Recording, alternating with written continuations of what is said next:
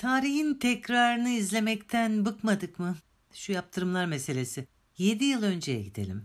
2013 Aralık birebir aynı konuları konuşuyorduk. Biliyor musunuz? Birebir aynı konular. Türkiye'nin Çin'den füze savunma sistemi satın alma projesi Amerikan Kongresi'nin engeline takılmıştı. Türkiye'nin Çin'den füze savunma sistemi alacağı duyulur duyulmaz 2014 yılı savunma bütçesine bir madde ekliverdiler.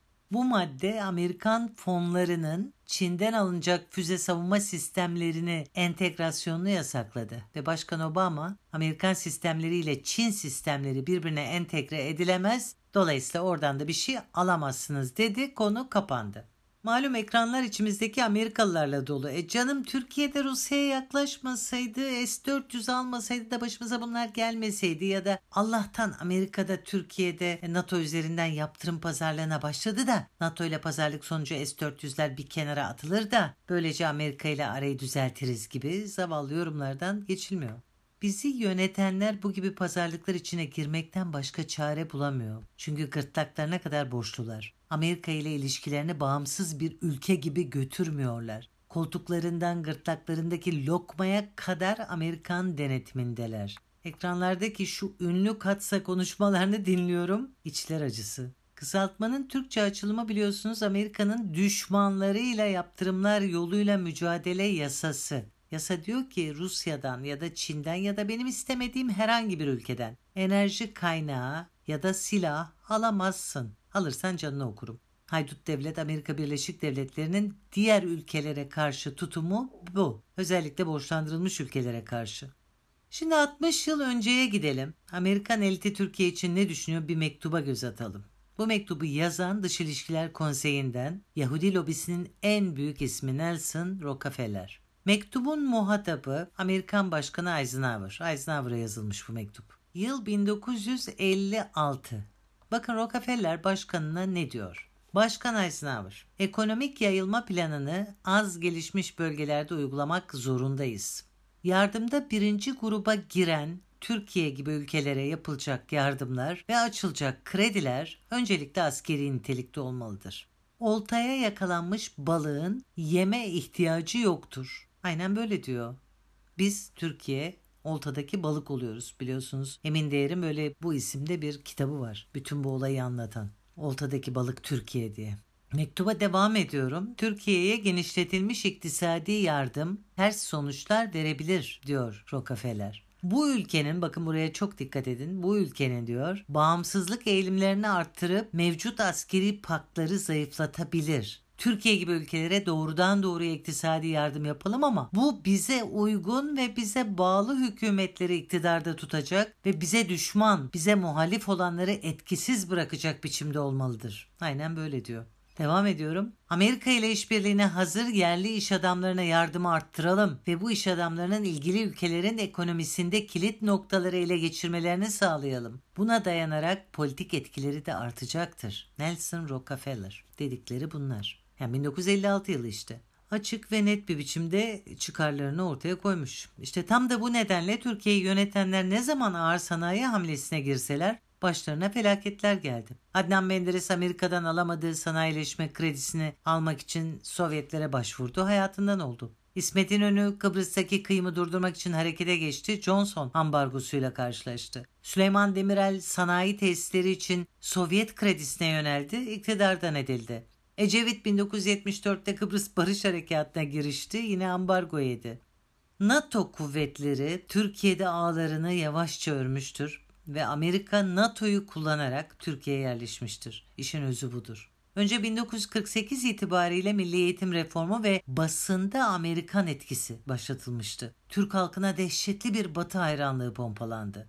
Yine 1948'de Ankara Radyosu'nda Marshall Saati gibi programlar başladı. Türkiye'nin NATO'ya girmesiyle birlikte Amerikan ve NATO propagandası yapan programlar arttı. Aynı şimdi olduğu gibi Türk milletine BBC dinletildi, Amerika'nın sesi dinletildi. Programların adları çok ilginçtir. UNESCO saati, Türkiye'de Marshall Planı, Birleşmiş Milletler Saati, NATO Saati gibi isimleri vardı programların.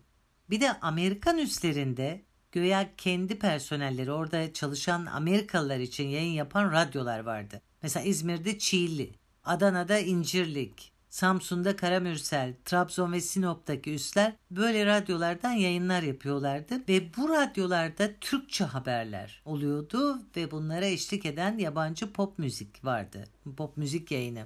Süreç içinde Türk gençliği bu radyoları dinlemeye başladı ve bu radyolar inanılmaz bir propaganda aracı oldular. Kısacası Türk halkına dehşetli bir batı hayranlığı pompalandı. O yıllarda Türk radyolarında sık duyulan bir şarkının güftesi her şeyin özetidir. Celal İnce'nin şarkısı. Bakın dinleyin.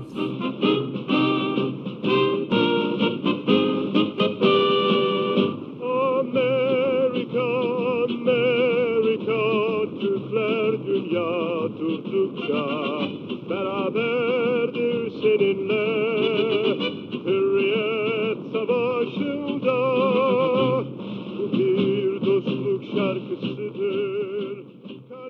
Gazeteler, dergiler, radyolar Amerika diyor başka şey demiyordu. Sosyete New York'u Miami'yi takip ediyordu. Amerikalı yıldızlar ne giyiyor, ne yiyor biliniyordu. Gazinolarda Amerikan tarzı hakimdi. Amerikan mamulü güzellik müstahsarları gözdeydi. Hollywood tüm sinemalardaydı ve Amerikan aile yapısı gıpta ile izleniyordu. Küçük tek katlı villalar, önünde bir otomobil, bahçede oynayan mutlu çocuklar, ev hanımları. Herkesin hayalini bunlar süslüyordu. Bu filmler tüm sinemaları kapladı ve sinema alışkanlığı toplumda yayıldı. Gençlerin rüyası Amerikan yaşam tarzıydı. İşte Amerikalı istihbarat uzmanları da bundan söz ediyorlardı. Sızma operasyonu diyorlardı ya da infiltrasyon. İşte bu cazibe merkezi haline gelen Amerika demekti. Amerika cazibe merkezi haline gelince hedef ülkelerdeki çoğunluğun beyni ele geçiriliyordu. 1966'da anlaşmalar gereği NATO haber alma tesisleri Türkiye'ye geldi. Buralara Türk yetkili giremiyordu. Yasaktı Türk yetkililere.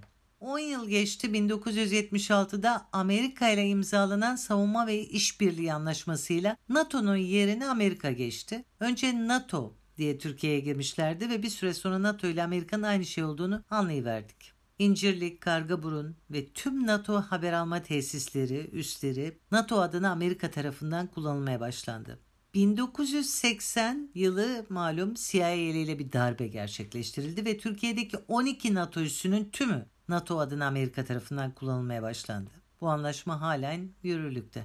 Türkiye kuruluşunun 3. yılında NATO'ya üye olmuştu. NATO'nun Hristiyan ve batılı olmayan ilk üyesidir Türkiye. Her zaman askerinin kanıyla değerlendirildi. 2000'lerde Stratford Düşünce Merkezi'nin Yahudi direktörü George Friedman kitaplarında Osmanlı Federasyonu'ndan söz etmeye başladı. Halifelik altında toplanacak bir İslam ordusu önerisini dillendirdi. Bu arada toplumda Amerika karşıtlığı tavan yapmıştı. Malum uzmanlar Türkiye'yi Amerika'ya yaklaştırmanın yolu NATO'dan ve Avrupa Birliği'nden geçer görüşünü işlediler. Türk halkına Amerika'yı sevdirme oyunu oynandı. Türkler asker milletti o halde NATO'nun rolü vurgulanmalıydı. Türk askerinin kalbi bu yolla kazanılabilirdi. Ayrıca NATO eğitimleri vasıtasıyla Türk askeri Amerikalılaştırıldı ya da buna çalışıldı. Türkleri aptal yerine koyan bu bakışlar yeni değildir.